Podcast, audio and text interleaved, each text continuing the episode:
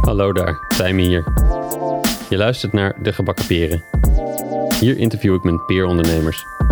Openhartige gesprekken over hun reis als ondernemer, over de successen en de woestere tijden en wat wij daarvan kunnen leren. Maar juist ook over de persoon achter het bedrijf, over wat hun drijft en wat hun heeft gevormd en hoe het nu echt voor hen is om ondernemer te zijn. Of zoals de titel al zegt, wanneer zaten ze gebakken of wanneer zaten ze met de gebakken peren. Oké, dat is de enige en laatste keer dat ik die grap zal maken.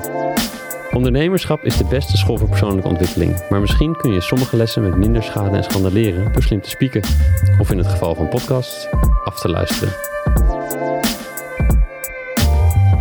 In deze aflevering is Charlotte van Leeuwen te gast. Charlotte is oprichter en binnenkort werknemer van Bord Stift, een whiteboard animatiestudio uit Amsterdam. Bij Bord en Stift zijn ze sinds twee jaar horizontaal georganiseerd. Wat betekent dat er geen managers en bazen zijn, maar ook geen chaos is. Hier hebben we het natuurlijk over. Hoe werkt het dan? En hoe is het om niet meer zelf de baas te zijn? Maar we praten ook over economische systemen en steward ownership. Charlotte's obsessie voor persoonlijke ontwikkeling en haar verslaving om systemen en regels te creëren die goed werken. Charlotte en ik kennen elkaar van een Art of Hosting training waar we in 2013 aan deelnamen. Ze is ongeremd positief, enthousiast zonder grens. En het is bijzonder hoe zij en zo goed in zijn abstracties en systemen kan denken en zo goed het hier en nu kan aanvoelen. Dit was een feest om te doen en ik wens je dan ook veel plezier met luisteren. Hier is ze.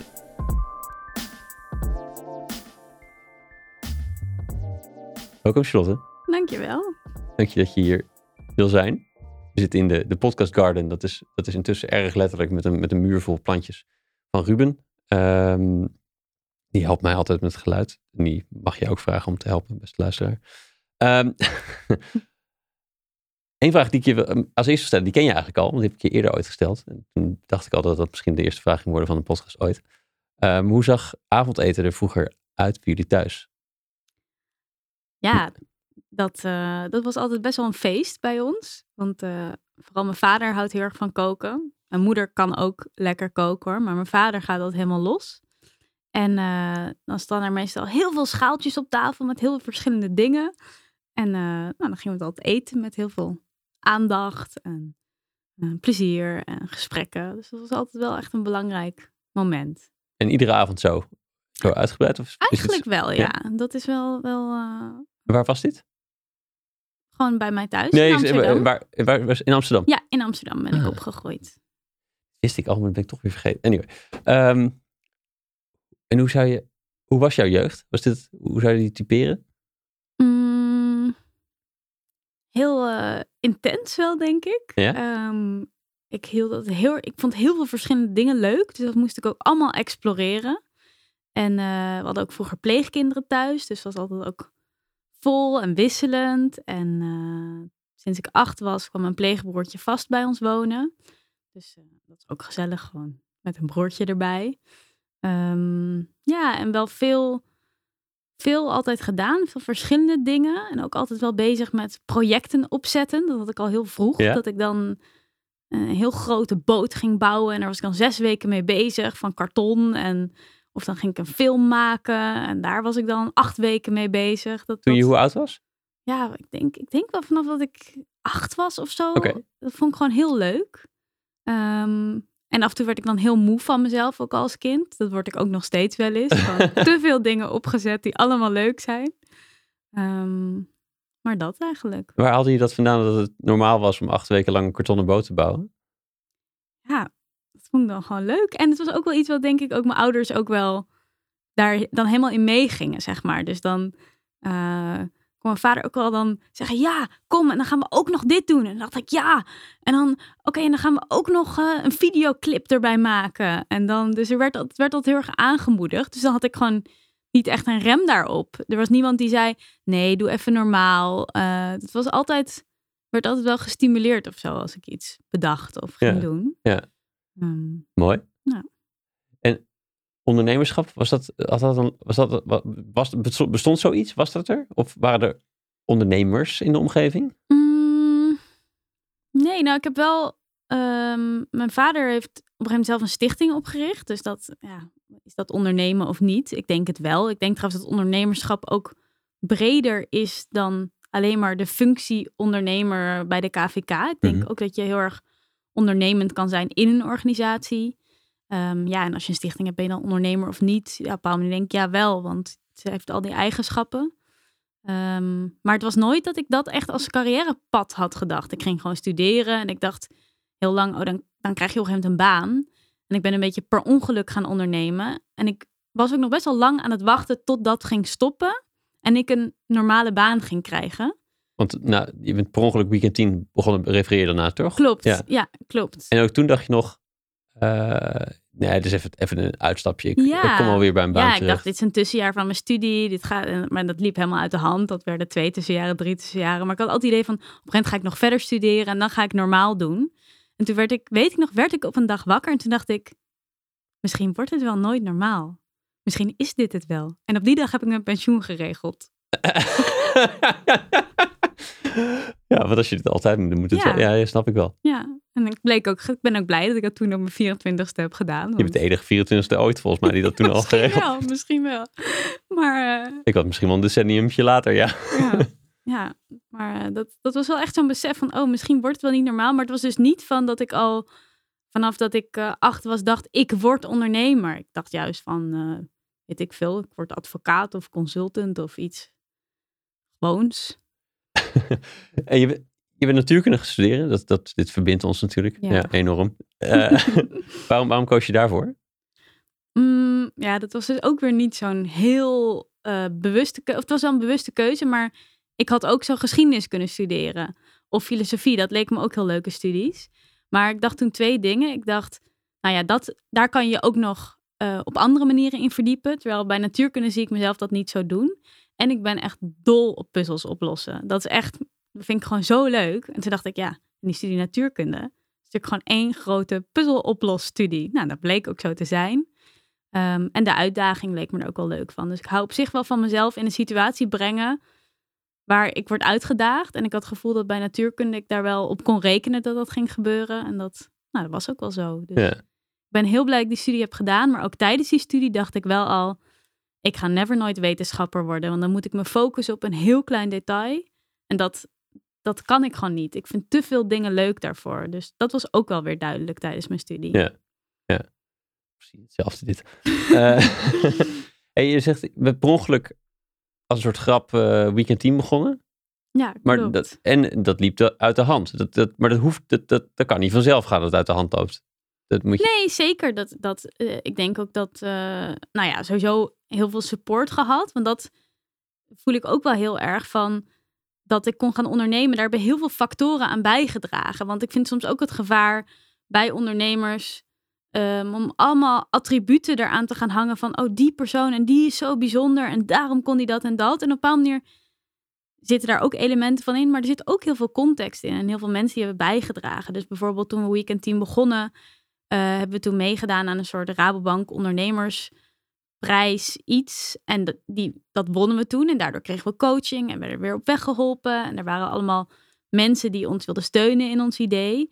Um, en ik denk ook wat de natuurlijke eigenschappen van mij en Maaike, mijn medeoprichter van Weekend Team, waren. Die maakte dat het lukte. Bijvoorbeeld Maaike, die was heel goed in nooit beren op de weg zien en gewoon dingen gaan proberen. En nog voordat ze de Lean Startup had gelezen, leefde zij dat echt al. Van oké, ga maar doen, experimenten. Als er iets misgaat, geen probleem. Um, en ik ben ook wel natuurlijk in ergens in kunnen geloven en dat dan kunnen delen. Dus dat, dat helpt daarbij. Maar ik denk ook dat het de juiste tijd was, dat het het juiste moment was. Mm. Um, dus ja, dat ook. Ja, dat is interessant. Ik hoorde Rutger Brechtman en in de Rudy en Freddy, hoe heet die andere, de andere figuur van die podcast? Die hadden het over de, de toeslagaffaire.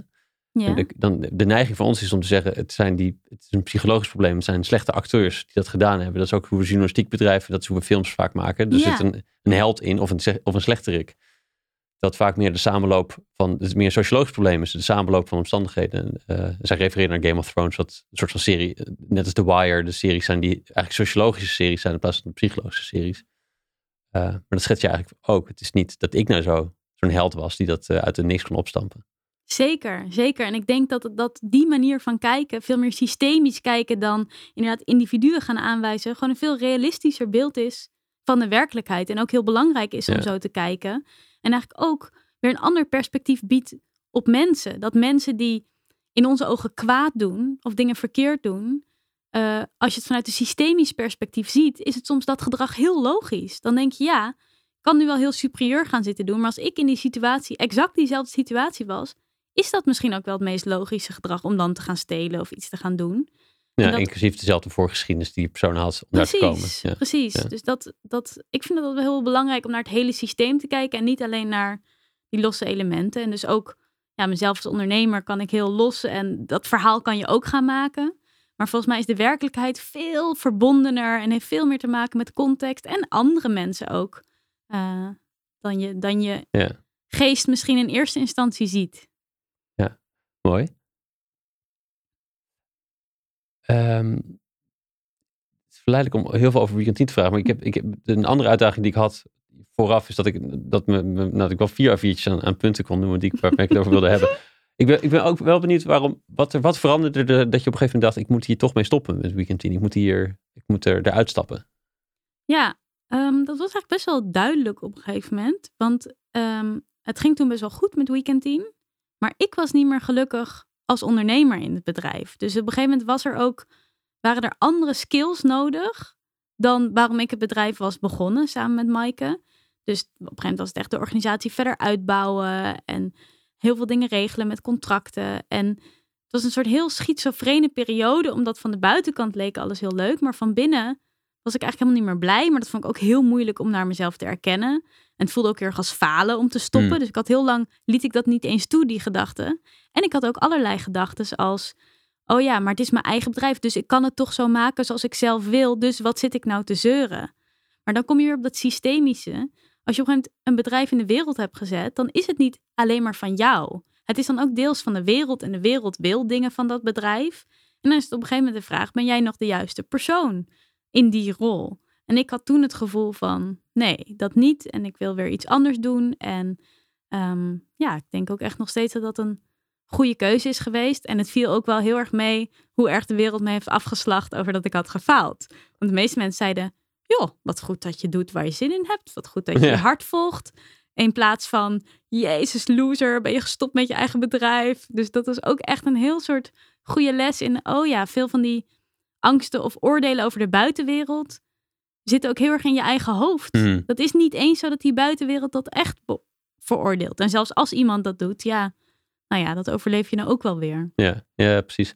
En, en je moest het ook met Mike overleggen. En, en dat, dat lijkt me nog wel de moeilijkste. Klopt, dat was ook heel moeilijk. Dus ik voel me daar ook heel schuldig over. En dat het is natuurlijk ook helemaal niet leuk als co-founder als iemand zegt, hey, doei, ik ga weg. Hè?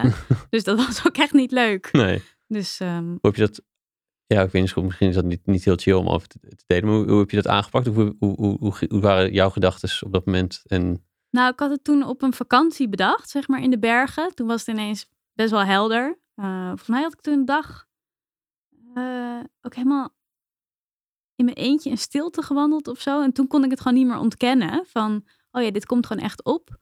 En toen eh, waren we volgens mij uit eten en toen had ik het verteld. En toen zei Maaike ook, die was ook niet zo verbaasd. Dus dat is ook weer grappig, dat soms denk je zelf dat iets heel verborgen is, maar dan is het eigenlijk al best wel duidelijk. Dus Ja. toen hebben we het daar. want de over ervoor was jij onbewust al dingen aan het afhouden misschien. Denk ik wel, ja. En toch een beetje dingen aan het saboteren vanzelf. Ik zat ook echt niet lekker in mijn vel Hmm. toen. Dus dat, ehm, ja.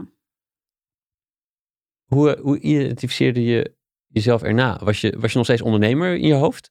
Want je had je pensioen al wel geregeld. ja. En, maar je had geen bedrijf meer. Was- Klopt. Ehm, nou, de, de vraag die je stelt van... Ik was sowieso, dat is ook heel erg veranderd. In het begin van ondernemer zijn was ik ook heel erg bezig de hele tijd met een goede ondernemer zijn. Wat ook al was mij ook niet helemaal duidelijk wat dat precies betekende. Maar het was wel belangrijk om aan die norm te voldoen. Wat, wat zat er allemaal wel bij? ja, heel efficiënt werken. En eh, ja, eigenlijk wist ik het van mij toen ook niet eens precies. Ik zou het nu ook niet kunnen opnoemen, maar het was een soort onzichtbare lat waar ik dan wel aan moest voldoen de hele tijd. Ehm, en dat is toen wel weggegaan of zo. Ook door het gevoel van, ja, voor wie dan? En wat, wat, die lat bestaat eigenlijk niet eens. Weet je wel, juist als ondernemer mag je je eigen regels bepalen. Dus waarom zou je dan daar ook weer in een soort systeem gaan waar je voor je gevoel weer aan iets moet voldoen? Waren er mensen die, die in jouw hoofd die lat hoog zo hielden? Ehm, ja, dat was dan, kan dan denk ik als je dan dingen leest ook over andere ondernemers. En, dan, en er is ook best wel zo'n, zeker in de westerse wereld, zo'n narratief van de Steve Jobs en de Elon Musk van deze wereld. En de hero die in zijn eentje alles voor elkaar krijgt. En dat dus bijvoorbeeld Kim Poltner, die heeft er veel werk in gedaan. Van hoe kan je nou ook meer ondernemer zien als jij als onderdeel van een ecosysteem. Dus dat is, dat is toen ook wel gaan veranderen. Van misschien is dat helemaal niet zo'n interessante vraag hoe jij de beste ondernemer kan zijn. Misschien is een veel interessantere vraag.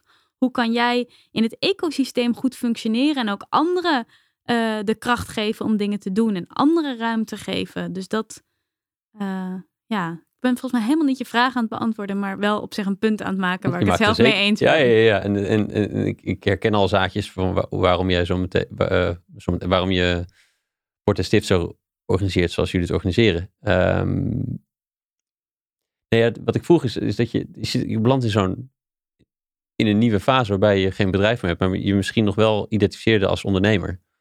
Klopt. En ik ben toen ook natuurlijk heel snel met Bord en Stift begonnen, zeg maar. En dat zaadje daarvoor was al eerder geplant door een project wat ik had gedaan. Ehm, en uh, dus dat. En ik heb ook nog een tijdje les gegeven op een school. Dat vond ik ook, stond ook nog op mijn soort to-do-lijst om een keer te doen. Dat was ook een heel leuke ervaring. Toch een keer een baan hebben. Ja, precies, precies. Dus ik was ingevallen voor iemand. Nou, ik gaf wiskunde. Ehm, maar ja, dat, dat, het is ook verslavend ondernemen. Het is heel verslavend om zelf je eigen regels te kunnen bepalen en iets in de wereld te kunnen zetten. Dus dat, ja, toen Bordstift is gewoon heel klein begonnen in mijn slaapkamer als filmstudio. Ehm, maar ja, dat is toen best wel snel toch gaan groeien. Omdat het is gewoon zo'n leuk spelletje. Ik vind het oprecht een heel leuk spelletje ondernemen. Van uh, hoe dat werkt. En dat is wel leuk als je een tweede bedrijf begint. Dan kan je die ervaring uit je eerste bedrijf meenemen. En er zijn gewoon ook dingen universeel aan ondernemen. Die, het maakt niet uit of je een kapperzaak hebt. Of een techbedrijf. Of um, dat whiteboardfilmpjesbedrijf. Er zijn gewoon elementen hetzelfde. En die kan je meenemen. En wat... Uh, wat allemaal vragen, shit. Um, wat, wat, wat, nam je mee wat hetzelfde was? Nou, um, dus bijvoorbeeld, de, een van de dingen denk ik die heel belangrijk zijn in ondernemen is zo min mogelijk frictie creëren. Dus je moet dingen makkelijk maken voor de klant. Dat is zeg maar op websites is dat gemeengoed van hoe, hoe moeilijker je het maakt om op je website te navigeren, hoe sneller mensen afhaken. Maar dat is ook in zaken doen. Dus je moet in plaats van uh, als iemand zaken met jou wil doen, dan moet je dat eigenlijk heel, hun heel makkelijk maken en eigenlijk heel veel initiatief nemen. Um, door te zeggen: Oké, wil je dit? Nou, dan gaan we zo en zo aan de slag. Dit is het stappenplan. Uh, we nemen het in principe uit handen, maar je mag wel feedback geven. Dus dat was bijvoorbeeld een van de dingen. Van ja, dat is toch wel hoe dingen gebeuren. Door, ja, ja. Um, en ook wel dat je door te zeggen: Het is zo, wij doen het zo.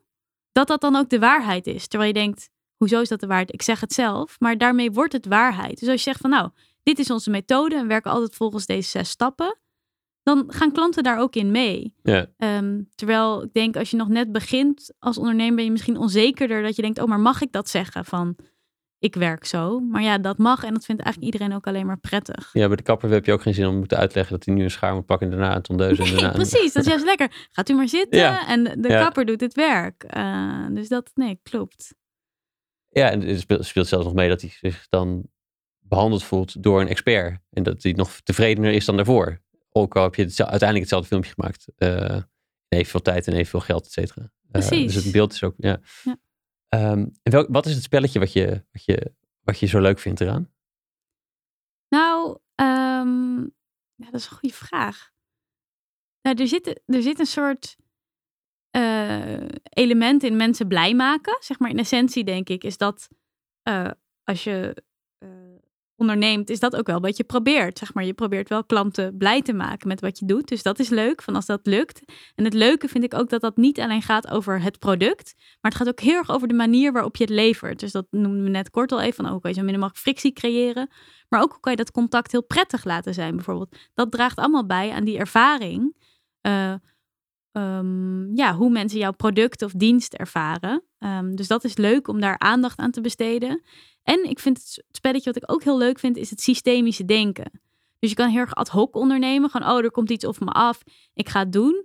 Maar ik vind het ook heel leuk om na te denken, oké, hoe kunnen we nou systemen maken? Kunnen we lijstjes maken? Hoe kunnen we dit in een ritme gooien? Hoe kunnen we zorgen dat dit zijn plek krijgt? En dan, net als vroeger met Lego, dan ben je echt iets structureels aan het bouwen, waar je in de toekomst profijt van hebt. En dat vind ik heel leuk. En daarom verlies ik bijvoorbeeld ook heel vaak met spelletjes. Omdat ik veel te lang doorga met investeren en bouwen. En niet zeg maar uh, denk, oké, ik ga nu gewoon alles binnenhalen. Maar dat, dat, bouwen aan iets, dat is echt heel erg leuk aan ondernemen. En dat, maar dat kan denk ik ook op zich heel goed in een baan als je die ruimte krijgt. Het is meer een manier van denken. Van reageer je gewoon op alles? Of denk je ook na van, hey, hoe kan deze fout bijvoorbeeld in de toekomst voorkomen? Worden. Of oh, hoe kan ik een checklist maken zodat in de toekomst dit heel makkelijk is? Zoals jij waarschijnlijk ook checklists en dingen hebt voor je podcast, zeg maar. Had ik het maar. Nee, ik heb, nee, ik heb het wel, inderdaad wel een beetje. Ik ken jou langer dan vandaag. Ja. Die heb je echt wel. Ik doe net alsof van niet. Ik doe heel stoer, alsof ik iedere keer helemaal aan mezelf doe. Nee, uh, nee klopt. Klopt, ja. Uh, het is een soort ander systeem dan het, het grotere systeem. Even dat het, al, het systeem van alle mensen en zo, alle, acteur, alle actoren daarin, is uh, misschien iets anders dan de systems in place, die um, dan ja, toch hetzelfde wordt. Um, maar hoe is dat gegaan dan met Bordstift in het begin? Dus je, je had in je, op, je, op je slaapkamer een, een whiteboardstudio in elkaar geknutseld? Klopt. Was ook altijd een beetje ongemakkelijk als klanten dan vroegen van... kunnen we afspreken bij jullie op kantoor? Dan zei ik altijd, nou, kom wel naar jullie toe. toen was je al in je eentje. ja, precies. Maar... Um, Nee, maar dat, daar zijn toen best wel snel mensen bijgekomen. Dus tekenaars en tekstschrijvers en filmers en editors. En het is natuurlijk een product dat zichzelf verkoopt. In die zin is het een, uh, hebben we het makkelijk. Want je maakt een filmpje. Mensen zien dat filmpje en die denken... hey, ik wil ook zo'n filmpje. Dus dat, gaat, dat balletje ging in die zin ook vanzelf rollen. Um, dus dat ging toen groeien. Dus op een gegeven moment moesten meer mensen erbij. En op een gegeven moment plofte het dus mijn slaapkamer uit. En gingen we een kantoor huren. Um, nou ja, zo is dat een beetje organisch gegroeid door de tijd heen. Ja, het is ook een slimme keuze om een product te bedenken. Het, dat, dat, als je het dan toch zelf mag inrichten, kies dan een product dat niet zo obscuur is. Uh, precies, precies. Dat is, dat, dat is er moeilijker. En als je iets doet wat helemaal onzichtbaar is, um, ja, dat is dan, dan, dan moet je waarschijnlijk meer verkopen. Terwijl uh, dat hebben we eigenlijk nooit hoeven doen in die zin. Is ja, behalve natuurlijk gewoon heel goede service leveren, waardoor je mond-op-mond reclame hebt. Ja. En je bent niet alles zelf blijven doen in het begin. Je hebt gelijk tekstschrijvers en editors, et cetera, erbij gehaald. Ja. Terwijl dat wel natuurlijk omzet kost. Dus heb je, dat kan nog een afweging. Is dat nog een afweging geweest? Of heb je altijd gelijk gedacht, nee, dit moet groter, dus ik moet die mensen erbij Ja, hebben? dat is wel, denk ik, heel, heel logisch. En ook, ik ben best wel snel verveeld. Dus ik kan ook niet zo heel goed hetzelfde lang doen. Dat zit niet in mijn aard. Dus en ik vind het ook heel leuk als andere. En gewoon, er zijn al mensen die die dingen veel beter konden dan ik. Gewoon die veel beter konden tekst schrijven, veel beter konden tekenen, um, veel beter konden editen. Dus ja, het voelt voor mij dan ook heel onlogisch dat ik dat dan blijf doen. Dus dit was eigenlijk niet eens echt een, een optie. Plus inderdaad om te kunnen groeien. En nou denk ik niet dat groei een doel op zich is. Maar het is wel leuk als je wat meer body hebt als, als onderneming. Heb je ook gewoon wat meer vrijheid om Um, ook te investeren in bepaalde projecten of dingen te doen. Dus dat, dat vond ik wel leuk. Dus dat was eigenlijk heel, heel logisch. Maar ik weet dat dat niet voor iedereen logisch is. En dat dat ook. Ik heb ook wel eens met andere ondernemers gepraat. En die zeiden: ja, maar ik wil ook nog echt deels inhoudelijk dit werk doen. Dus ik, ik, ik wil dat helemaal niet alleen maar uitbesteden en alleen maar bezig zijn met de systemen. Dus dat is denk ik voor iedere ondernemer anders. En daar is volgens mij geen goed of fout. Um, maar ik, ik heb dat wel sterk. Dat ik, ik vind het heel leuk om op metaniveau bezig te zijn. En als ik te vaak hetzelfde moet doen, dan, dan uh, dat is niet mijn ding. Ja, het is de, de twee archetypes, de freelancer of de ondernemer. De, de freelancer die meer mensen in gaat huren, blijft, zal altijd, uh, ook, ook misschien dus voor de klant ook wel noodzakelijk, dat hij zelf ook het werk deels nog doet. Ja, ja, eh, precies. en de ondernemer heeft als enige taak zorgen dat het werk gedaan wordt. Precies. Maar wie dat doet, maakt niet uit. Precies. En dat is, ik heb een tijdje heb ik zeg maar geen enkele rol meer gehad in de uitvoering van het bedrijf. En tegenwoordig ben ik weer voice-over. Dus ik heb weer een rolletje in zeg maar de uitvoering van het bedrijf. Maar um, ja, dat is dus ook uh, helemaal niet dat ik daar een bepalende rol in heb. Of ik bemoei me met niks met zeg maar het product dat we maken. Ja. Dat gebeurt gewoon helemaal door alle mensen die het maken dit vraagt ook een bepaalde mate van controle uit handen geven. Klopt. Volgens mij, als ik, als ik me goed herinner, vond jij dat niet altijd even makkelijk. Nee, dat is, dat is ook zeker niet altijd even makkelijk. hoe, hoe is dat gegroeid? Hoe is dat, wanneer, hoe is dat gaandeweg meer geworden? Of is het makkelijker geworden? Ehm, ja, en daar is denk ik ook wel die, die behoorlijke dosis persoonlijke ontwikkeling die ik er tegenaan heb gegooid de afgelopen jaren. Ook wel, heeft daar ook wel echt in geholpen van, oké, maar waarom wil ik dan een controle houden? Kan ik echt vertrouwen hebben in anderen? Wat is daarvoor nodig? Ehm, en het is wel, eh, toen Rutger Bregmans boek uitkwam, De meeste mensen deugen. Dat is op zich wel iets waar ik altijd wel echt in heb geloofd. Ja. Dus ook, ik heb altijd geloofd dat als mensen raar gedrag vertonen, dat het eerder komt door het systeem waar ze in zitten, dan dat die mensen echt slecht zijn. Dus eh, ook omdat ik bij mezelf gewoon merkte hoe ik in sommige systemen inderdaad soms een beetje stom gedrag ging vertonen. Terwijl ik echt wel weet dat ik niet slecht ben, diep van binnen. Dus die basisfilosofie zat er wel heel diep in. En zit er nog steeds heel diep in. Dus dat heeft denk ik wel bijgedragen aan die wil ook om te willen loslaten. Plus dat ik wel echt ehm, ook echt slecht ben in dingen. En dat daar zijn denk ik misschien andere ondernemers hebben dat minder. Maar ik ben echt slecht bijvoorbeeld in planningen maken. Ik ben echt slecht in, nou ja, wat ik al zei, hetzelfde nog een keer doen. Dus ik denk dat ik ook meer gedwongen ben om samen te werken en dingen uit handen te geven. Dus dat is wel grappig. Dan kan je zeggen, ah, het is echt een nadeel dat je die dingen zo slecht kan. Maar aan de andere kant is het misschien ook wel mijn kracht geweest. Want ik ben daardoor gedwongen als ondernemer Mhm. om juist dingen uit handen te geven. Omdat, het gewoon, omdat ik dat gewoon niet zo goed kon, die dingen. Ja, ja, ja. Dus dat, en dat hoor je ook wel vaak. Dat soms zeggen ze ook dat wat de zwakte is van een organisatie, is vaak de kracht van de ondernemer. Dus als de ondernemer heel goed is in sales, dan ontwikkelt de organisatie zelf niet die saleskracht, want die blijft daarin leunen op die eh, ondernemer die dat doet. Dus, Ja, ja, en andersom denk ik ook zo. Soms is juist wat je zwakte is als ondernemer, kan de kracht worden van je organisatie. Want daar moet wel een oplossing voor worden gevonden, want jij kan dat niet opvangen als ondernemer. Ja, dat is grappig. Want anders, het, het, het- ik zit ook met de keerzijde. Het is ook wel eens waar dat de, de schaduwkant van de ondernemer juist heel erg ook de schaduwkant van het bedrijf wordt. Klopt, dat kan je ook weer hebben inderdaad. Dat dat, dat, dat spiegelt, zeg maar, van jij bent slecht in planning, dus niemand, zeg maar... Ja, dus dat Eh. mag haast niet, want je hebt zelf een allergie voor, dus dat gebeurt niet. Klopt, klopt, dat kan ook. Maar ik denk als je dat wat meer vrijlaat en daar zelf minder, zeg maar, een oordeel op hebt en dat probeert te verstoppen, maar eerlijk erkent, wow, hier ben ik echt heel slecht in, hier heb ik hulp bij nodig. Ja. Dat er dan een soort vacuüm ontstaat wat gevuld kan worden. Ja. Ehm, want sinds ik, zeg maar, ben afgegaan van dat soort dingen regelen, is bij ons wel echt de planning heel veel beter geworden. Gewoon echt, ja. Sinds sinds ik me niet meer moeie, halen we onze deadlines allemaal. Dat, er zit ook, ja, ben je bijna misbaar. ik, ben, ik ben heel misbaar. Ja, ik denk dat ik. eh, ik ben echt heel misbaar. Dat weet ik al vrij zeker nu bij Bord en Stift. Dat als ik nu wegga, dat ze, nou, dat misschien over drie maanden merken. Nee, dat is ook niet waar. Nee, ik denk dat ik nog wel een soort emotioneel heel veel bijdraag. En ook wel veel ideeën heb. Maar in het runnen van het bedrijf ben ik echt, echt heel misbaar. En daar ben ik echt super trots op. Want dat, ja, dat voelt als best wel een goede prestatie voor dat we nu met, we zijn nu met 25 mensen. En nou, wel veel ondernemers die ik ken, die zijn nog heel erg niet misbaar bij die grootte. En dat voelt wel echt heel cool van. Oh, het is wel echt gelukt om een zelforganiserend systeem te maken. Ja. Waarbij ik een belangrijke bijdrage lever, ook mijn rol heb. Maar niet als ik wegval dat de hele kaartenhuis in elkaar stort. Jullie zijn het horizontaal gaan organiseren. Klopt. Er zijn, er zijn meer van dat soort termen. Hoe is horizontaal anders dan sociocratisch en holocratisch en tiel en... Ja, dat, ik denk dat het. eh, Ik gebruik al die termen om het uit te Ja. leggen. Dus eh, ik zou. Je kan er heel erg een definitie van maken wat de verschillen zijn. Bijvoorbeeld, holocratisch is natuurlijk een heel specifieke vorm. Met heel specifieke regels. Hoe je eh, zelforganisatie doet. Of horizontaal organiseren doet.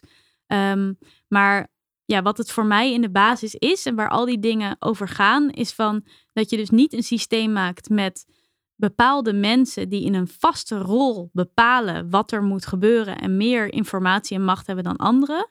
Maar dat je een systeem maakt dat flexibel is, waarbij mensen niet vaste rollen hebben, maar wisselende rollen. En er niet een, een, een vastgelegde hiërarchie is.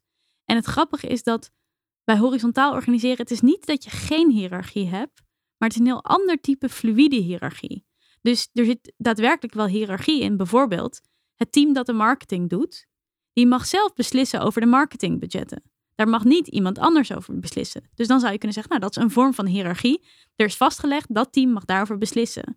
Maar dat, dat geeft verder niet dat team weer macht over andere mensen. Of dat die ook bepalen over het salaris van andere mensen. Dus dat is het, uh, dat is het verschil. En ja, ik denk dat het al die stromingen um, allemaal hun eigen manier proberen om het uit te leggen. En voor mij is ook, ik ben blij met alle manieren. Want het is, voor mij is dat best wel een grote, duidelijke wereld. Maar ik merk dat voor heel veel mensen is het ook nog totaal nieuw. Dat zelforganisatie mogelijk is. Dus ik denk iedereen die het in een vorm vertelt, top. Ja, ja, ja precies. En dus, dus nou ja, kun, kun, je even kort even introduceren hoe, wat, wat, het dan wat het is? Hoe is het nou organiseren? Dus ja. zelfsturend en, en Klopt. Um, ja. minder hiërarchie of, of een andere vorm van hiërarchie? Ja. ja, kort de makkelijkste manier om het uit te leggen zeg, dat zijn geen managers en er is geen baas. Maar er is geen chaos. Ja. Dus, um, dus dat je wel systemen um, in place hebt uh, en manieren hebt nagedacht over hoe je het werk organiseert, hoe je dingen doet, waardoor het niet een soort anarchie en totale chaos is er wel degelijk, maar het, het dus niet wordt gemanaged door één persoon. En in de natuur zie je ook heel veel voorbeelden van zelforganisatie. Een mierenhoop wordt niet aangestuurd door een grote mierenhoopmanager. En toch bouwen ze supermooie dingen en zit er heel veel structuur in. En, maar dat komt gewoon doordat er bepaalde regeltjes geïmplementeerd zijn bij al die mieren, dat die op bepaalde manieren functioneren. Maar daar hoef je niet één centraal sturingspunt voor te hebben. Um, ook daar hebben we de, de queen, de, de, de koningin van de mieroop geïntroduceerd, die er misschien die er dus niet is eigenlijk. Nee, precies. Volgens mij is die in de bijenkorf is daar. Oh, het is ook een queen en een. Uh, het bijen hebben ook een koningin en die is, die is chef. Ja, maar dat is volgens mij helemaal niet zo. Die bepaalt helemaal niks. Die wordt gewoon lekker gevoederd. En um, uh, ja, dus, dus dat, dat eigenlijk. Dus dat je, ja, dat je ook een organisatie kan bouwen zonder managers. En dat wil niet zeggen dat de managers taken niet ondervangen moeten worden in een organisatie. Want managers doen wel degelijk heel belangrijk werk. Alleen horizontaal organiseren zegt, je hoeft dat niet meer aan één persoon te koppelen.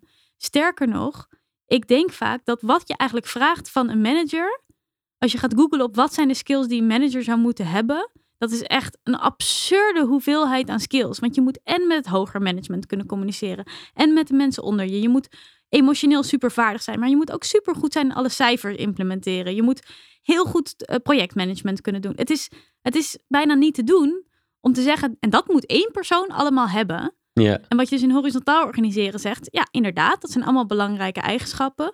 Maar kunnen we dat niet distribueren over team? En kunnen we niet nadenken over structuren, uh, waardoor dingen zichzelf ook regelen? Plus, wat je doet bij horizontaal organiseren, is ook een manier implementeren. Dus je hebt bijvoorbeeld een wekelijkse meeting en heb je een maandelijkse meeting, waarbij iedereen ook aanpassingen weer aan de structuur kan doen. Dus bijvoorbeeld de salarissen. Iedereen kan een voorstel doen om te zeggen: ik vind dat we de salarissen anders zouden moeten inrichten.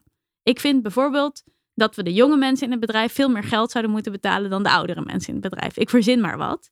Um, iedereen kan zelf aanpassingen doen in het bedrijf in plaats van alleen maar je hebt één functie en je hebt niks te zeggen over hoe het bedrijf wordt gerund. Nee, je mag zelf kiezen wat voor functie je, je op je neemt, welke rollen je op je neemt in het bedrijf.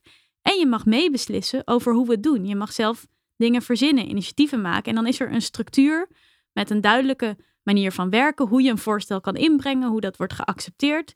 Waardoor je ook daadwerkelijk die veranderingen kan doorvoeren, zelfs al werk je net één week bij het bedrijf. Ja, ja, precies. Ja, die managers hebben een beetje een gekke rol in de wereld. Want we zijn een, waar wordt een beetje verguisd, zeg maar. Want, want de managerslagen zijn de schuld van alles.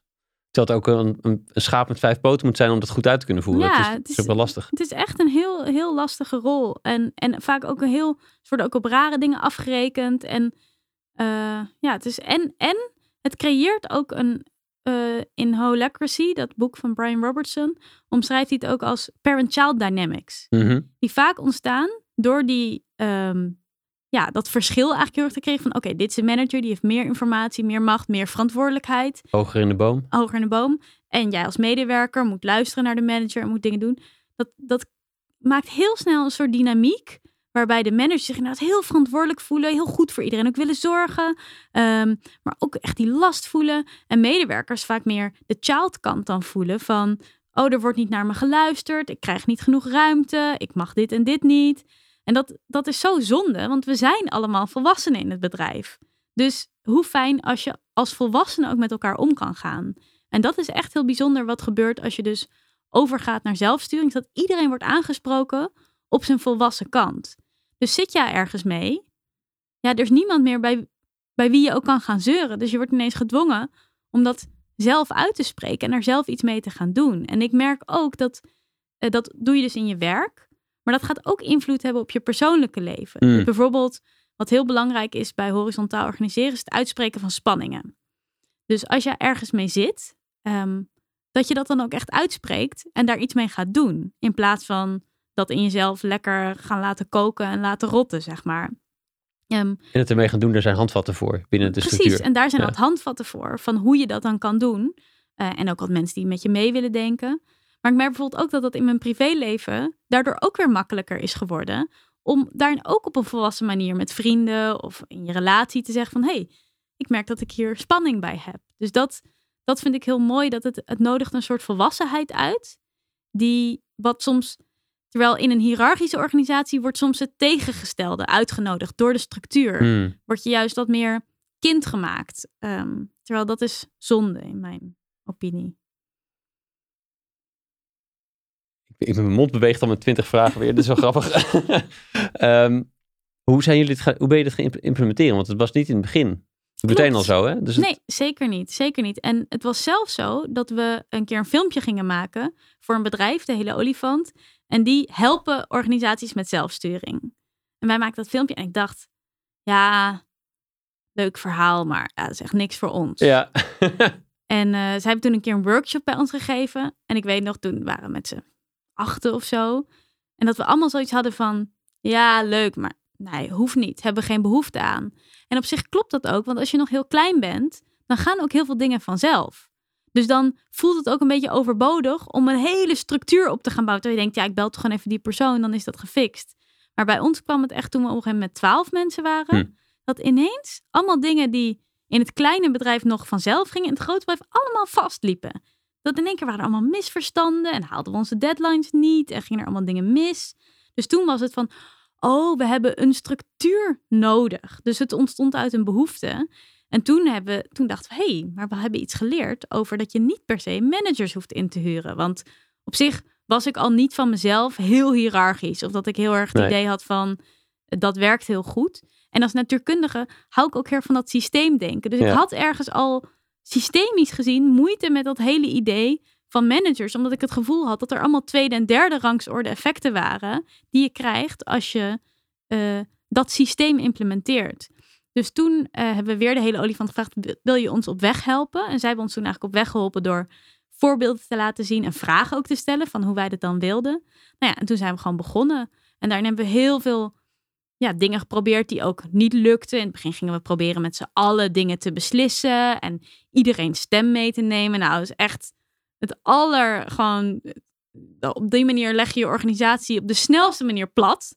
Qua, ik bedoel dat die zeg maar dat helemaal niks meer Ja, niks mooi. meer kan doen. Ik bedoel niet horizontaal, maar ik bedoelde qua snelheid. Dan haal je alle snelheid uit je bedrijf. Ja. Nou ja, dat werkte niet. Dus oké, dat gaan we dan niet doen. En zo, ja, en dat, dat is dus, het is dus ook een soort proces om uit te vinden van hoe werkt horizontaal organiseren ook weer voor ons.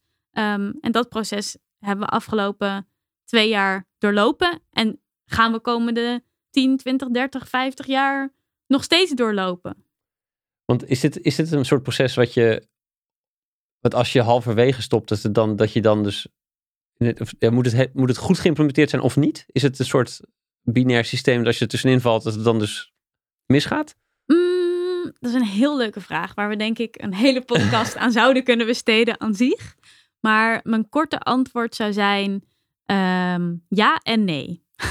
dus aan de ene kant ja, want als je zegt we zijn horizontaal, maar eigenlijk houden we op de achtergrond nog allemaal informele hiërarchische dingen aan en je moet toch aan Pietje goedkeuring vragen, dan zeg ik altijd wees daar dan eerlijk over en zeg dit is er eigenlijk nog, eh, we doen het niet.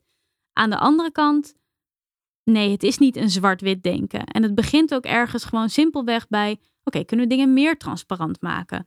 Kunnen we eh, meer alle medewerkers hun spanningen laten doen? En dan hoef je helemaal niet van vandaag op morgen volledig horizontaal te zijn. Maar wat, wat wel echt fundamenteel is, is dat je, dat je implementeert dat iedereen mee kan bouwen en de structuur van het bedrijf kan veranderen. Dus dat is heel belangrijk. Dus uh, iedereen moet ook aanpassingen kunnen doen aan hoe je het doet. Dus bijvoorbeeld wij hebben een wekelijkse meeting. Maar stel dat werkt helemaal niet, omdat we hoeven helemaal niet zo vaak bij elkaar te komen. Dan moet het kunnen dat iemand zegt, hey, ik vind dat dit niet werkt. Ik stel voor, we maken van de wekelijkse meeting een maandelijkse meeting. Dat, zijn, dat is veranderen aan de structuren van je bedrijf. En dat is heel belangrijk dat, dat je dat implementeert. En dan hoeft het dus helemaal niet perfect te werken op dag één. Maar dan ontstaat er een soort evolutie, doordat elke keer mensen spanningen inbrengen, dingen kunnen veranderen, evolueert je bedrijf toe naar dingen die werken. Ja, het gaat dus niet om een eindplaatje wat je moet bereiken. Het gaat om het, om het mechanisme in te introduceren dat je kan groeien met input van iedereen. En... Precies, precies. Ja. ja. Moet je hier rekening mee houden met wie je aanneemt? Wat voor types passen hierin? Is, of past iedereen hierin? Is het weer zo, het systeem regeert eigenlijk, dus iedereen zou erin passen? Of is dat, is dat te naïef? Dat is te naïef. Uh, wel gelukkig heel veel mensen, want uiteindelijk floreren heel veel mensen bij autonomie, bij vrijheid, bij uh, hun eigen plek kunnen vinden. Dus dat is op zich zijn dat vrij universele menselijke behoeftes. Maar het vergt een bepaalde volwassenheid. Ja. Het vergt de moed om, uh, als je geïrriteerd bent over iets, dat in te brengen. als je moeite hebt met een collega, om dat zelf op te lossen. Er is, er is niet iemand naar wie je kan toegaan en waar je uit kan huilen. Dat is niet helemaal waar, want iedereen heeft ook twee mentoren. Maar die gaan het niet voor jou fixen. Dus uh, ja, je moet daar wel zin in hebben. En het vergt ook op een bepaalde manier uh, een bepaalde betrokkenheid. Dus als je echt alleen maar bent van nou, mijn werk en het boeit me niks en ik wil gewoon een taakje krijgen en dan weer naar huis, dan is horizontaal organiseren. Ja, dan moet je niet in een horizontaal georganiseerd bedrijf werken, want daar wordt er van je gevraagd om mee te denken over hoe, hoe je het doet. Dus... En dat moet ook iedereen doen. Is dat, is dat eigenlijk nog een moetje? Nee, dat is niet een moetje. Dus je mag, je, mag zelf, uh, je mag zelf weten in welke teams je gaat, op welke manier je betrokken bent. Mhm. Dus dat zie je ook dat het heel erg verschilt. Uh, de een werkt bijna alleen maar aan het bedrijf, zeg maar. En de ander doet vooral uitvoerend werk voor de klanten. Want die wil zich gewoon helemaal specialiseren als supergoeie tekenaar. En daarin is niet een goed of een fout.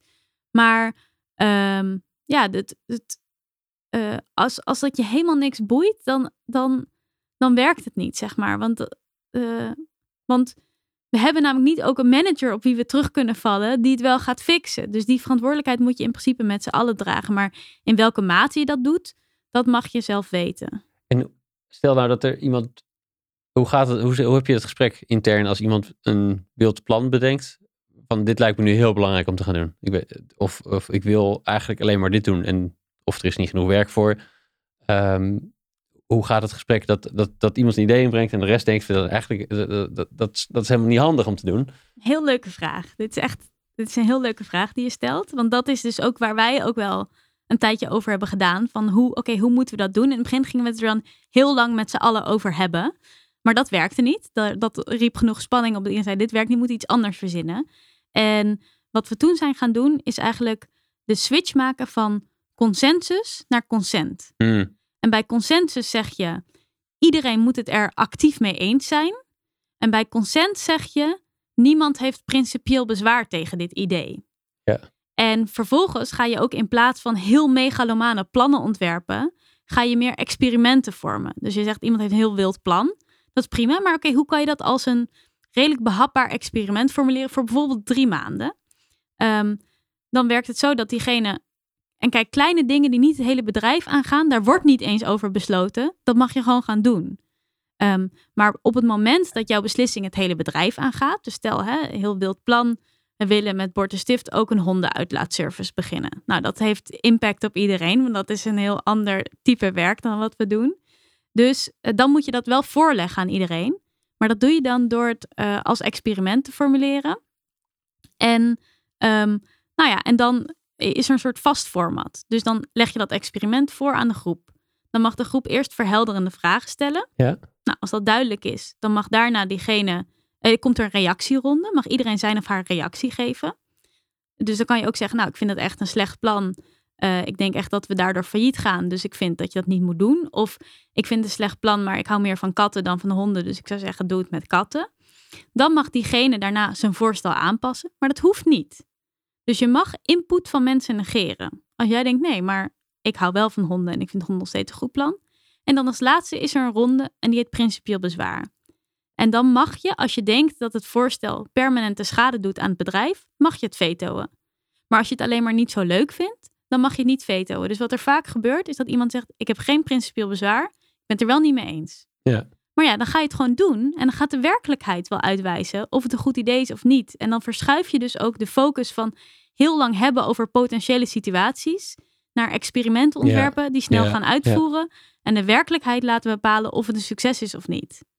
Je hebt in de Deep Democracy, een andere beslissingsvorm, heb je de.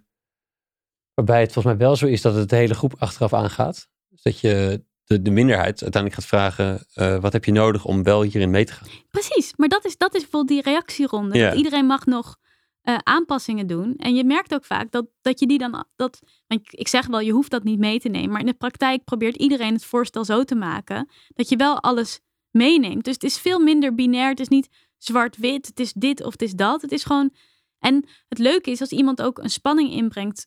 eh, als aanpassing op een voorstel, wordt diegene ook uitgenodigd om zelf ook te bedenken hoe dat voorstel dan zou moeten worden aangepast, dat diegene er wel chill mee zou zijn. Ja, Dus je, ja. je nodigt mensen ook weer uit tot die volwassenheid. Dus niet alleen maar te zeggen, nou, ik vind het stom. Ja. Maar te zeggen, oké, maar wat zou er dan voor jou nodig zijn om het wel een goed idee te vinden? En soms denk je, dan denk je, ja, maar eigenlijk, ja, eigenlijk kan ik ook niks verzinnen. Dus eigenlijk is het ook goed zo. Dus dat is heel, eh, heel interessant. Nog even terug naar jou in jouw initiële of oorspronkelijke vroegere drang om overal bij ieder besluit betrokken te zijn, of erop te zitten, of er, erbij te zijn, of de, eh, en de controle die je dan, dan hebt over het bedrijf. Hoe, Ja. hoe, hoe is dit? Hoe was dat voor jou en hoe is het gegaan naar iets waar je nu kennelijk zo lang mee bent?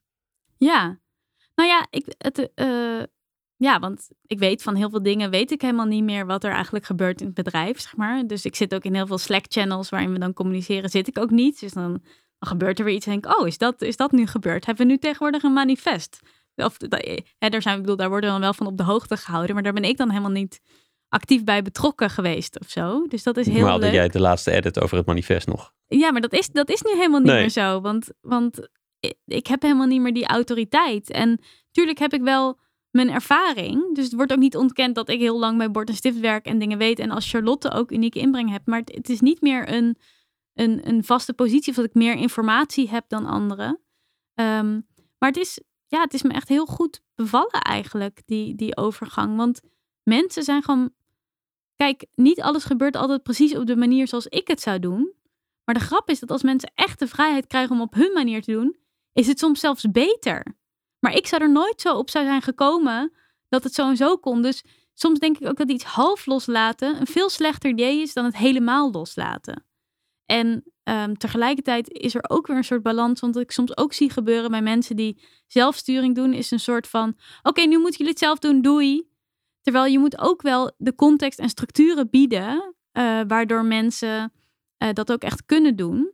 Welke dingen zijn eerst overgegaan? Heb je, heb je een soort van volgordelijk dingen van jou naar de rest gedaan? Ehm, Mm, nee, de, hoe de transitie is gegaan eigenlijk is dat, ehm, nou ja, ik als ondernemer vanzelfsprekend heel veel mm, taken soort van onder mijn hoede had. En ook uit een soort redderscomplex ook het gevoel van, nee, maar dit zijn echt heel vervelende dingen. Daar kan ik echt niemand anders mee opzadelen. Dat is echt mijn verantwoordelijkheid als ondernemer om die last te dragen. Want het luisteren zou je hoofd erbij moeten zien, ja.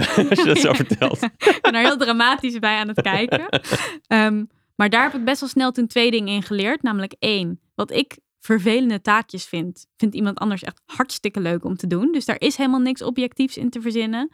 En twee, het is ook een soort van onzin. Ik, ik heb het vooral in mijn hoofd dat ik dat zou moeten doen. Maar mijn collega's verwachten dat helemaal niet van mij. Die willen juist ook dingen oppakken en verantwoordelijkheid eh, nemen.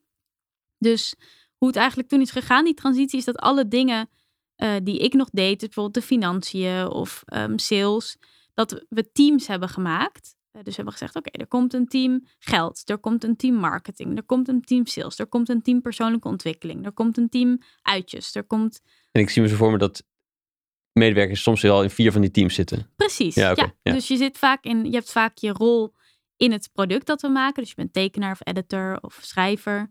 En daarnaast zit je ook in één of meerdere teams. Ik vind trouwens tussendoor heel grappig dat op jullie website iedereen is chief. Ja, klopt. ja, dat is lekker paradoxaal. Maar ja. ja, iedereen is chief officer. En dat, op een bepaalde manier is dat ook. Ja, zo. iedereen zit echt heel ondernemend in het bedrijf. Ehm, dus dat klopt. Vind ik ook terecht dat iedereen Ja. chief officer is. Ehm, maar ehm, nu ben ik echt totaal kwijt waar we het Sorry, over de, de- ja, de transitie. Ik, ik, moest, Oh, ik ja. moest even een flauwe Ja. grap maken. Dat, Nee. had ik, dus, dat is mijn compulsion. Dat, Mijn, is, dat is een heel leuke flauwgrap. Nee, dus, dus hoe dat is gegaan is dat we daar teams van zijn gemaakt. Dus in één keer was het niet meer dat ik in mijn eentje de financiën regelde. Maar dat deed ik dan samen met twee collega's. En eigenlijk dat al die kennis die ik in mijn eentje aan het doen was... in één keer gedistribueerd werd over meerdere mensen. En toen ben ik langzaam ook uit teams gegaan. Dus dan, is dat initiatief toen bij jou ge- geweest? Van financiën, dat, dat, dat, daar moeten we, jongens, daar moeten we een, een team voor, want ik wil dat niet meer doen? Of is het... Nee, dat hebben, we hebben eigenlijk gewoon gezamenlijk gekeken naar... wat gebeurt er nu eigenlijk allemaal in het bedrijf? Ja, En op basis daarvan hebben we gewoon de eerste teams geformuleerd. En we hebben dus ook maandelijks een rollenmeeting. Waarbij je nieuwe teams kan oprichten. Of bestaande teams kan wegdoen. Of verantwoordelijkheden kan toevoegen. Of beslissingsbevoegdheden kan toevoegen aan een team. Dus het is ook niet zo van, oh je maakt één keer die teams en dan ben je klaar. Dat is ook een constant evolutionair proces. Waar dus ook een duidelijk systeem voor is. Hoe je die teams weer kan wijzigen of wijzigingen aan kan brengen in teams.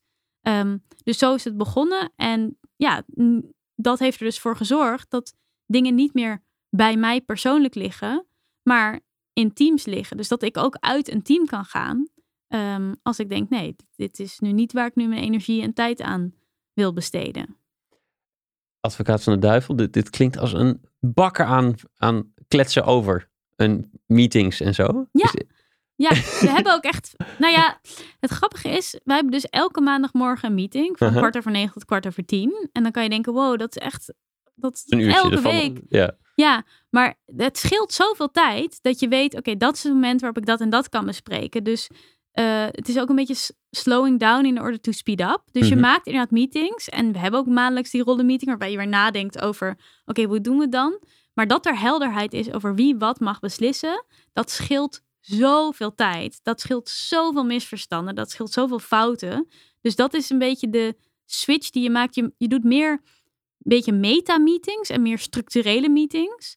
Om heel veel kleine toekomstgesprekjes te voorkomen. Hmm. Dus inderdaad, het is een investering. En zeker in het begin is het echt een investering. Maar ik vind het zo evident dat je die investering terugkrijgt. En, dat is, dus, en daar hou ik dus heel erg van. Van bouwen en investeren. En als je dingen doet waar je later wat aan hebt. En dat, dat vind ik heel zichtbaar. En ook bij andere horizontale bedrijven, als je dat ziet. En vooral ook bij de opposite. Als je eh hiërarchische bedrijven hebt, kan je soms gewoon zien hoeveel energieverlies er zit in die, nou ja, niet helderheid. En dat is, het is allemaal ook weer niet zwart-wit, want je hebt ook weer op papier hiërarchische bedrijven die in de praktijk eigenlijk heel ehm, me- medewerkers heel veel betrokkenheid en heel veel te zeggen hebben. Maar het Ja. is meer als het ook echt ja. in, in het echt, zeg maar, heel hiërarchisch is, dan zie je gewoon het energieverlies. En dat vind ik gewoon, nou, ja, misschien als natuurkundige, gewoon zonde van de, het verlies van energie in dat systeem. Dan Dat- denk ik, theoretisch kon dat namelijk niet. Dat ik had geleerd. precies. En, ja, ze presteren het toch. Hoe kan het nou? Ja. Ik heb nog wel één vraag. Want die, dat lijkt mij ook al een dekselsding. Dat, dat, volgens mij heb je je aandelen ook verdeeld. Klopt, nou ja, we zijn, nu, we zijn nu bezig eigenlijk. Dus ik voelde me ergens ook een beetje schuldig toen je me uitnodigde in deze podcast voor ondernemers. Want vanaf 1 januari ben ik helemaal geen ondernemer meer, maar ben ik gewoon werknemer bij Ja. Bord en Stift. Nou, net op tijd. Gelukkig. Eh, ja, precies. nu nog wel. Ehm, maar eh, op een bepaalde manier ook weer niet, want dan zijn we op een bepaalde manier allemaal Ja. ondernemend. Maar ehm, nee, dus dat is eigenlijk het idee. En we hebben een beetje een grappige constructie gekozen. Dus we hebben gekozen voor een stichting die eigenaar is van de BV. ja. Waardoor eigenlijk niemand meer de aandelen heeft van Bord en Stift. Behalve de stichting die als doel heeft om de aandelen in het bezit te houden van de stichting en nooit te verkopen. Zodat Bord en Stift altijd van zichzelf is. En nooit een bedrijf wordt wat wordt overgenomen door een grotere partij. En daardoor nou ja, de koers verliest, zeg maar, die we hebben. Ehm, En dividend gaat naar alle medewerkers. ja, dus dat, dat, dat voor een deel, zeg maar, tot gewoon een normale hoogte. Want je mag dan, als het een stichting is, mag je niet, zeg maar, Nou ja. aan iedereen miljoenen gaan uitkeren. Ehm, Ook niet de BV. Dit, nou, nou, Ja, dat weet ik even niet. dat, maar... nou ja, kijk, de, de stichting is eigenaar van de BV. Dus in principe heeft eh, de stichting recht op het dividend wat uit de Oh ja, BV komt. Maar je ja. kan natuurlijk alsnog mensen gewoon een bonus geven. Dat, dat mag. Ehm, maar het idee is van het geld wat in de stichting komt, dat besteden dan weer aan maatschappelijke projecten. Dus bijvoorbeeld als wij ehm, filmpjes willen maken gratis voor projecten waar wij in geloven, dan kunnen we dat doen met dat geld uit die stichting. Ja. Maar dan leg je dus ook echt vast, dan heb je het systeem een beetje gehackt van je eigen bedrijf. Hoe kan het bedrijf nou echt in dienst staan van de maatschappij? Ja. En niet in dienst staan om jou als ondernemer rijk te maken. En ik vind helemaal niet dat je niet eh, een goed salaris moet kunnen hebben, maar zeg maar miljoenen verdienen. Naar mijn idee is dat niet bijdragen aan de maatschappij. Dus ehm, ja, ik vind dat dan best wel logisch om het bedrijf zo in te richten dat het een bedrijf is wat en inderdaad bijdraagt aan gewoon de medewerkers. Want dat is natuurlijk heel fijn dat, Ja. dat, dat de waarde ook terugvloeit aan de mensen die daaraan hebben meegebouwd. Eh, maar ook daadwerkelijk weer naar de maatschappij gaat. Ja, het is in ieder geval heel anders dan het grote aandeelhouderschap wat beslist over de, de, de toekomst en nog of het bedrijf als een HEMA of een Unilever nog kan blijven bestaan. Precies, en dat is soort van, dat systemisch gezien is dat voor mij zo logisch dat dat zo niet klopt. Dat externe aandeelhouders die niet in het bedrijf zitten, wel bepalen over de koers, want die hebben namelijk heel andere belangen. En dat, dat, is, dat zijn dus ook niet slechte mensen, maar ja, tuurlijk willen die gewoon maximale winst op korte termijn. En dat is gewoon heel zonde, vind ik, dat we het economische systeem zo hebben ingericht dat dat wordt uitgenodigd. En daarom bijvoorbeeld Eric Ries, van die oprichter van de Lean Startup, heeft ook nu de Long-Term Stock Exchange opgericht. Met het idee van, je gaat niet meer per kwartaal kijken wat de resultaten zijn. Want dat slaat helemaal nergens op. Dat creëert zulke perverse prikkels voor bedrijven. Dus dat moet je ook helemaal niet in het systeem inbouwen dat je moet doen. Je moet op de lange termijn kijken, bijvoorbeeld. Ehm, dus dat vind ik heel interessant van, ja, welk systeem hebben we nou gebouwd met z'n allen, ook macro-economisch gezien? Welke prikkels creëert dat en wat voor gedrag creëert dat? En kunnen we niet nu langzaam andere vormen gaan vinden, waarbij er andere prikkels zijn die wel een positieve impact hebben op de wereld? Ja, ja. Ja, dus nu in plaats van, even kijken hoor. Ja, wat, en het, het, het hogere doel verschuift ook. Want het hogere doel was, ik moet het bedrijf moet groter, want dan heb ik heel veel aandelen en bezit ik heel veel. Dan, dan bouw ik vermogen op door aandelen meer waard te laten worden. Ja. En dat gaat nu anders. Precies, dat belang is er helemaal niet meer. Wat er wel is, is het belang een gezond, duurzaam bedrijf hebben, zodat we kunnen bijdragen aan de toekomst.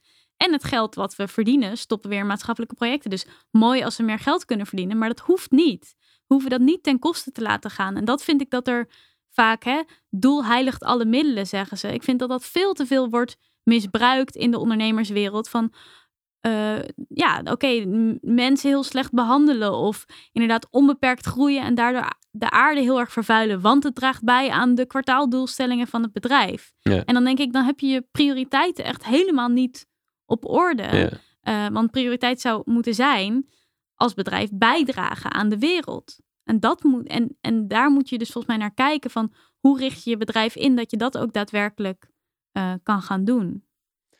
Ja, mooi. Dat Eric Ries dit eh, opgezet had, wist, wist ik nog niet. Moet ik eens even induiken. Ik, ik weet wel dat, dat Paul Polman van Unilever hier altijd tegen ageerde. ja, ja. die die kwartaal, kwartaalcijfers van mij ook had afgeschaft. In ieder geval ook furieus werd tegen... eh, Er altijd tegenaan zat te hikken van... Godver, moet ik weer met die aandeelhouders gaan praten? Die willen natuurlijk weer dat ik nu rendement heb. Maar die snappen niet dat ik iets anders aan het doen ben. Precies, Ja. precies. Ja, en dat is dus mooi als je dat op systeemniveau kan gaan veranderen. Want je kan het die aandeelhouders op een bepaalde manier ook niet kwalijk nemen. Want die stuppen hun geld gewoon niet. Nee, het het- systeem is het- zo gebouwd. Ja, Ja, het grote gevecht, dat boek over hem, dat, dat, dat, dat, er staat tijd, die mensen van die pensioen, zeker die pensioenaanbieders zouden dat toch moeten snappen, maar die ook gewoon afgerekend worden intern op, eh, ja, je, je fonds gaat niet omhoog, hoe kan dat? Eh, eh, dan moet je dus iets gaan doen. Dan moet je, eh, moet, ja, nee, het klopt wel, die, die komen wel, of zo, maar precies. En daarom is dus dat, dat idee van steward ownership. Ja. Dat het bedrijf altijd wordt gerund door de mensen die er werken. Zo mooi, omdat je die perverse belangen weghaalt. Omdat de mensen die er werken, hebben ook daadwerkelijk belang bij dat het bedrijf op de lange termijn gezond is en duurzaam is.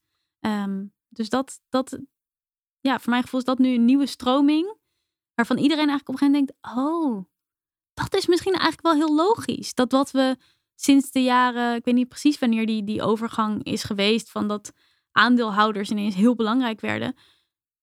Ja, dat is gewoon ook een keuze die we op een gegeven moment economisch hebben gemaakt. Misschien was dat wel niet de meest logische keuze. Nee, dat om werd te doen. gevoeld als een soort wetmatigheid. Ja, Ja. sorry, maar wij zijn een bedrijf. We zijn er alleen maar om geld, om onze aandeelhouders te... Dat, dat, dat, Precies, terwijl als je weer nog verder terugkijkt in de geschiedenis, was dat helemaal niet altijd zo, dat dat de insteek was van een bedrijf. Dus eh, in die zin is het, eh, is het minder, zijn die dingen minder wetmatigheden, maar meer keuzes en kunnen we ook andere keuzes maken.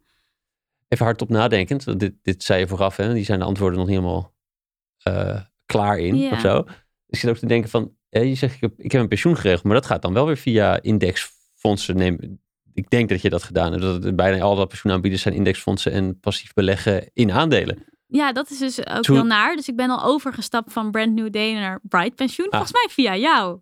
Jij hebt mij volgens mij daarover gemaild. Van, eh, Dit klopt inderdaad. eh, Ja, ik en het zou kunnen dat ik Brand New Day te- tekort doe. Maar die, die suggereerde dat ze ergens op de homepage dat ze duurzame Klopt. fondsen hadden. En toen ging ik, keek, opende ik hun fondsbrief. En toen zag ik de lijst met top 10 aandelen. En dan zag ik opeens ExxonMobil ertussen Ja. staan. Toen snapte ik niet wat hier aan de hand ja, was. Dacht nee, ik, nou, precies. Dus dat, dat, dat, dat, dat klopt niet. Dus toen dacht ik, nou ja, volgens mij is Bright nu het beste wat de pensioenwereld te bieden heeft, zeg maar.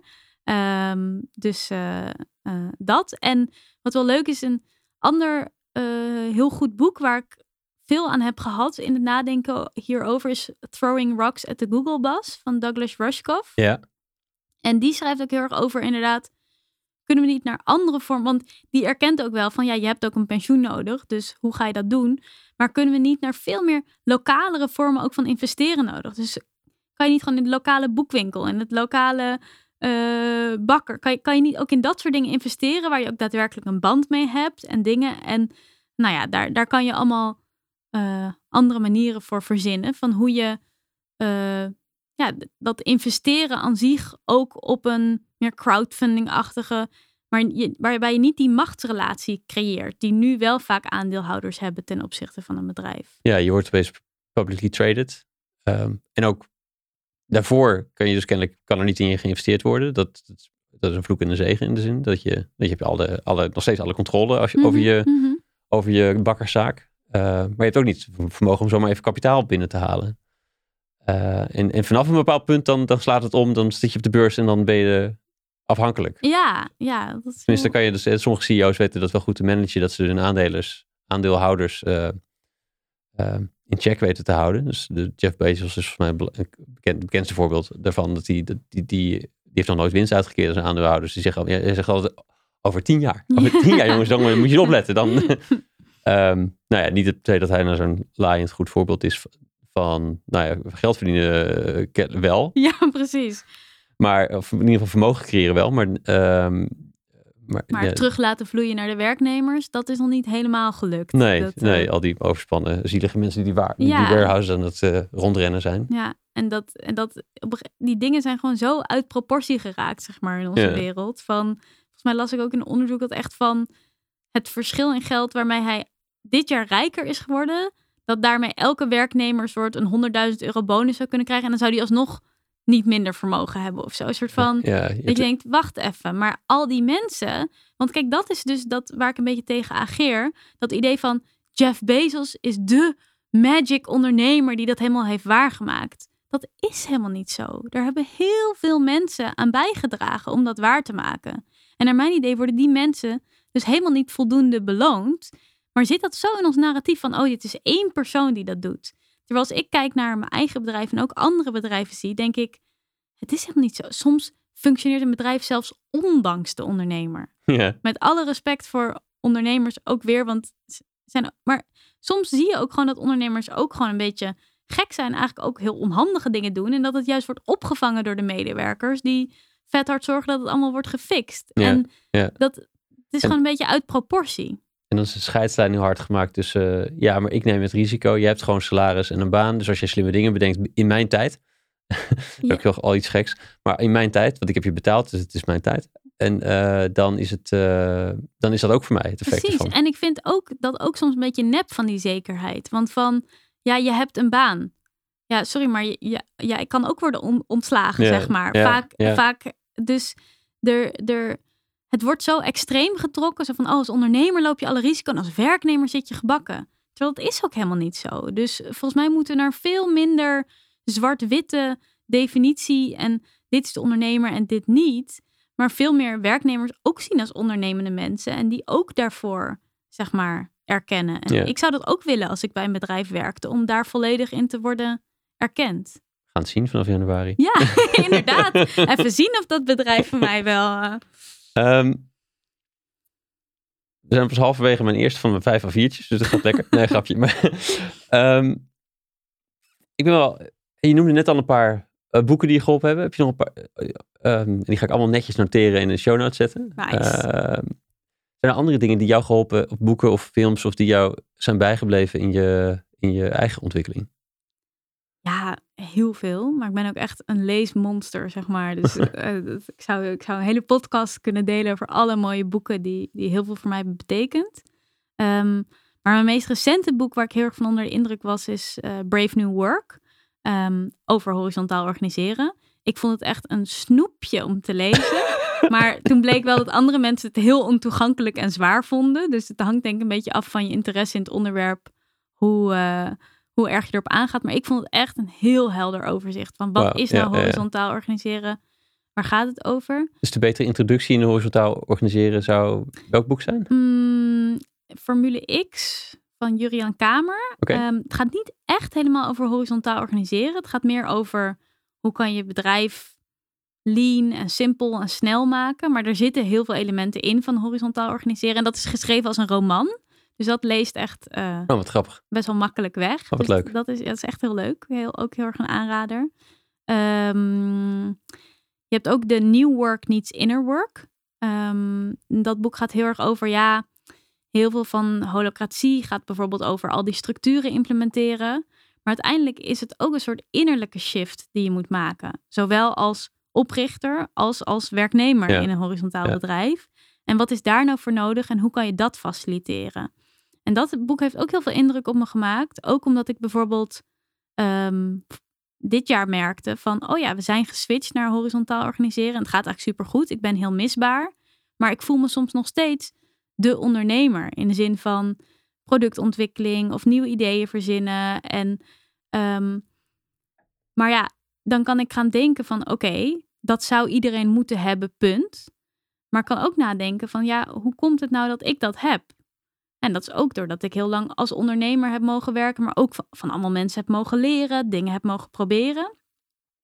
Dus misschien moet ik wel niet dat alleen maar tegen mensen schreeuwen dat ze dat meer zouden moeten doen, maar misschien moet ik wel een programma verzinnen waarbij je mensen helpt om die skills te ontwikkelen.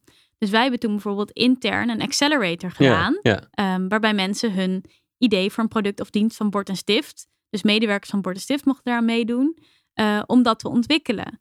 En dan, eh, dan, dan bied je mensen eigenlijk de kans ook om iets te ontwikkelen, om een skill te ontwikkelen, die weer bijdraagt aan dat horizontaal organiseren. Dus dat had ik uit dat boek gehaald. Ehm, ja, en voor de rest is persoonlijke ontwikkeling ook heel belangrijk, vind ik. Of daar heb ik zelf gewoon heel veel aan gehad. En daarin vind ik vooral boeken die gaan over hoe werkt je geest? Ehm, hoe, hoe zit je in elkaar als mens? Wat, Hmm. wat betekent dat? En eh, hoe werken patronen? En dat, dat vind ik heel interessant. Dus ik heb veel boeken gelezen die, eh, ja, die, die daarover gaan. Ehm, maar bijvoorbeeld Revelations of Mind. ehm, maar dat is verder ook niet heel toegankelijk of zo. Maar wel, het heeft wel veel gedaan met mij in, in snappen hoe ik ook zelf in elkaar Hmm. zit. Mooi. Thanks. Ja.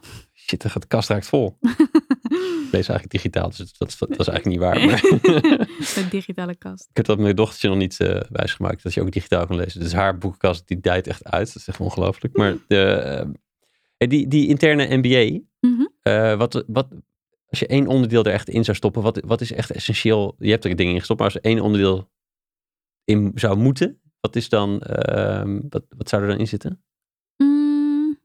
Ik denk wel echt die interactie met klanten. Dus wij hebben Ja. meteen op dag één van de accelerator. Dus iedereen moest met een idee komen. Dus je mocht wel alleen meedoen als je al een idee had. Ja. Op dag één hebben ze meteen zeg maar, voor een panel van klanten gegooid om hun idee te testen.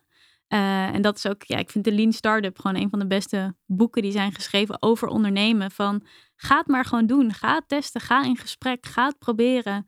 Kijk wat ze ervan vinden. En dat, dat is vaak iets wat mensen heel moeilijk vinden, omdat ze het heel graag goed willen doen. En dan in hun eentje zeg maar een idee verder gaan ontwikkelen. Terwijl de magie ontstaat juist als je dat Ja, samen doet. dat Dus- gepingpong. dus Ja. dat, eh, Ja. dat is een element wat ik er sowieso in zou doen.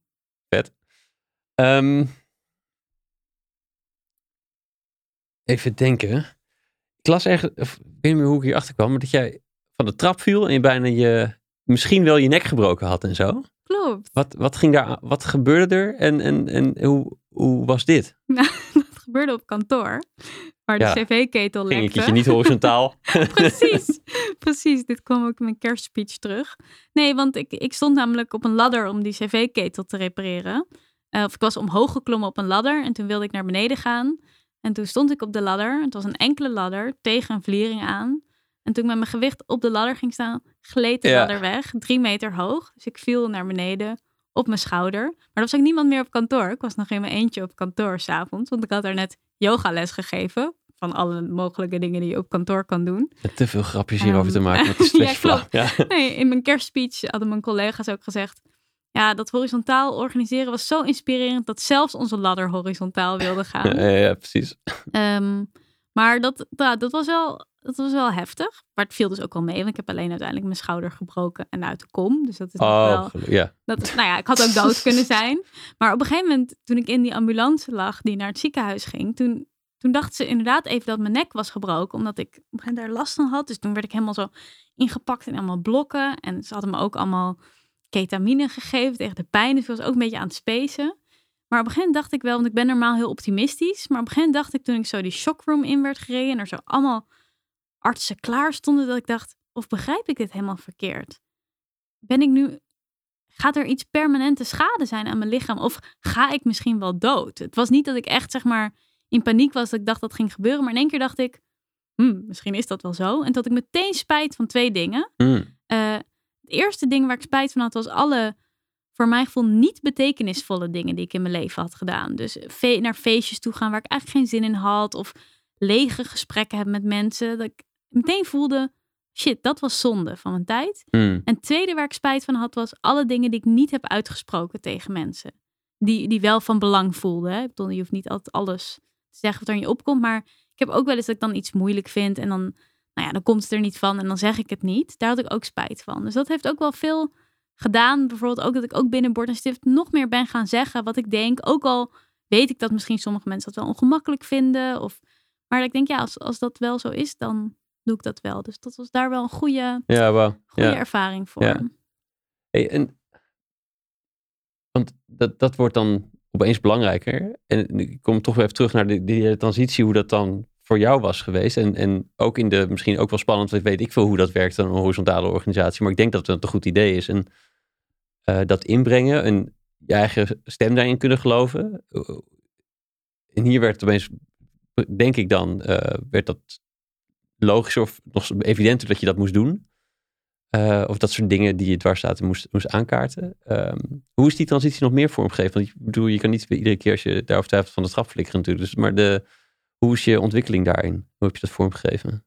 Nou, ik denk dat grappig genoeg horizontaal organiseren er ook heeft bijgedragen dat ik me juist vrijer voel als ondernemer, als ondernemer om dingen te zeggen. Juist omdat ik niet meer een machtspositie over mensen heb, voel ik me veel vrijer ook om kritiek te geven eigenlijk. Want als je wel in die machtspositie zit, dan wordt het al raarder om feedback te geven, omdat je weet dat dat impact heeft op die persoon. Terwijl ik ga helemaal niet over het salaris van mensen. Ik ga helemaal niet over of er iemand wordt ontslagen of aangenomen. Dus ik ben me eigenlijk veel vrijer gaan voelen in mijn eigen bedrijf om mijn bijdrage te doen. Juist omdat ik bevrijd ben van die soort uitzonderingspositie die ik eerst dan wel had, wat ik niet bewust wilde. Maar in de praktijk is dat dan wel zo. Als jij beslist over iemands salaris, als jij beslist over of iemand wel of niet mag blijven werken, dan heb je een machtspositie ten opzichte van die persoon.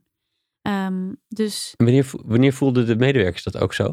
Want die hebben het misschien ook, die moeten het ook Klopt. eventjes accepteren. klopt. En dat is wel grappig. Dat het is dus niet zo, als ik dat zo voel, dat iedereen dat ook zo Mhm. voelt. Dus ik merkte bijvoorbeeld dat soms mensen nog steeds naar mij toe kwamen dan voor goedkeuring van iets. In het begin ging ik dan die goedkeuring ook geven. Toen zei ik, ja, ja, dat is echt een goed idee. Moet je echt gaan doen. Maar op een gegeven moment dacht ik, dit klopt systemisch helemaal niet wat ik doe. Wat ik moet doen is zeggen, wat vind je zelf? Vind jij het goed? Oké, dan, dan ga je het doen, zeg maar. Dat, dat... En waarom vraag je me het nu en niet maandag?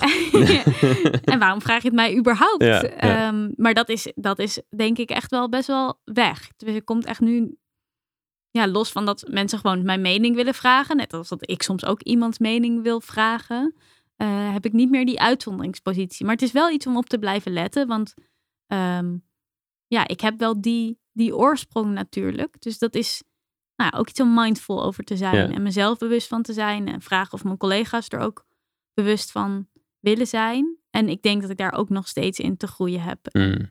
Dat vind ik soms ook wel spannend aan zo'n interview doen. Dan denk ik, oh, dan komt het misschien over alsof ik dat allemaal perfect doe. Terwijl waarschijnlijk, ja, verval ik ook nog soms steeds in parent-child dynamics. En, ehm, maar goed, dat, tegelijkertijd voel ik daar dus ook weer een soort in van, ja, maar dat is ook het proces. Dat Ja. is ook weer niet erg.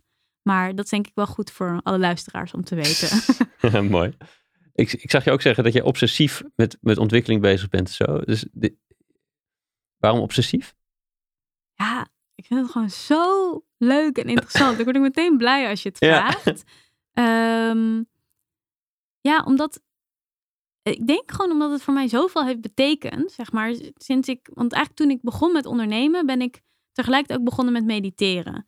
En dat was niet een heel bewuste keuze, maar terugkijkend, volgens mij waarom die behoefte opkwam, was omdat ik stapte uit het reguliere systeem waarin het eh, pad al voor je was gebaand. Dus in één keer kwam er, denk ik, een soort interne behoefte van: oké, maar als ik niet meer kan vertrouwen op het gebaande pad, waar moet ik dan op vertrouwen? En ik denk dat daarom die behoefte aan mediteren is gekomen om eh, ja, meer naar binnen te kijken en daar eh, de weg te vinden. En dat heeft gewoon zoveel voor me betekend. Dus mediteren, maar ook yoga, maar ook in je eentje op Nature Quest een paar dagen in de natuur gaan. Gewoon dat, dat meer leren over jezelf, snappen hoe je zelf werkt en echt nou, ook met compassie naar jezelf kunnen kijken. Dat voelen voor mij als zulke essentiële levensskills. ehm, ja, die echt, echt heel erg mijn leven hebben veranderd. En mijn innerlijke wereld hebben veranderd. Maar ook hebben veranderd in hoe ik mensen zie, hoe ik de wereld zie. Dus eh, ja, dat, dat is eigenlijk. En ik, ik heb ook wel mensen die dan vroegen van. En wanneer is dat dan klaar? Die meditatiecursus of die yoga. Of, eh, en dan dacht ik altijd, oh, maar het is juist nooit klaar. En het is alleen maar een groter onderdeel geworden van mijn wereld. En het is me meer gaan beïnvloeden.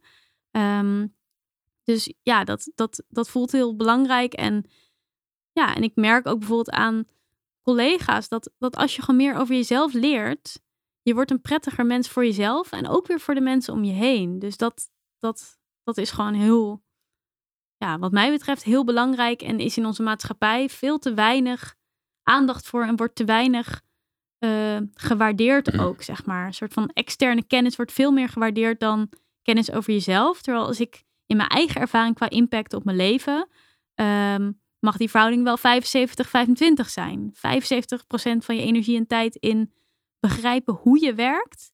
En dan kan je ook heel snel weer dingen opnemen en begrijpen. Ehm, terwijl als je tegen heel veel patronen van jezelf aanloopt en eh, ja, dan is er ook veel minder ruimte om dingen op te nemen. Dus dat voelt voor mij ook een beetje als dat sharpening the saw. Van Hm. als je een boom moet omzagen in het bos, ga je dan één uur besteden aan je zaag scherp maken en zeven uur besteden aan die boom omzagen met een botte zaag. Of besteed je drie uur aan die zaag heel scherp maken en dan zaag je in één uur die boom om. Ja, ja. Mooi. als, je, als je terugkijkt naar hoe je nog in je weekend teen tijd was als, als persoon, hoe, zou je, hoe, hoe kijk je op die, die versie van jezelf terug? Ehm, leuke vraag. Nou, ik zie meteen wel een soort veel nog vermoeiender iemand voor me. En ik krijg dat ook wel eens terug van mensen. Als Vermoeiender? Vermoeiender, ja. Voor? Voor de wereld ook. ik krijg het echt wel eens terug van mensen als ze me nu ontmoeten na een paar jaar. Dat ze dan zeggen, oh ja, ja vroeger werd ik wel echt moe van je. Maar nu, nu word ik wel rustig van je. Ehm, dan denk ik altijd, oké, I take this as a compliment. Maar het is ook wel een beetje belediging naar mezelf een paar jaar geleden. Maar ik denk dat ik toen veel, ja, nog veel chaotischer was ook of zo. En, en minder, misschien ook minder helder over mijn eigen pad. Wat ik, ja, wat voor mijn gevoel wel veel meer is gekomen.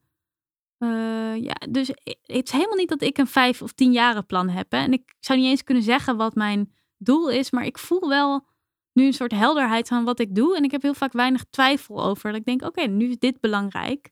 Ehm, en dat had ik vroeger denk ik ook minder. Plus meer die, die onzekerheid, die wel echt, die komt ook nog wel eens op. Maar mm, ik was vroeger echt heel onzeker over het ondernemer zijn en wat dat dan was. En ja, dus ja, maar ook wel weer, als ik terugkijk, denk nou, is ook wel weer iemand die gewoon maar ging doen en proberen. En eh, ook niet zo heel veel beren op de weg zag. Dus dat is wel leuk. En dat herken ik nog steeds wel in mezelf. Dat is niet Ja. weggegaan. Ja. Uh, ik heb gelukkig wel collega's die wel beren op de weg zien. Wat namelijk ook heel nuttig is. Ehm, maar het is ook mooi dat ik ook soms ook mag inbrengen van...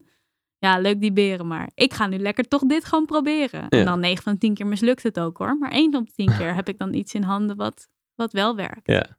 ja. En nu?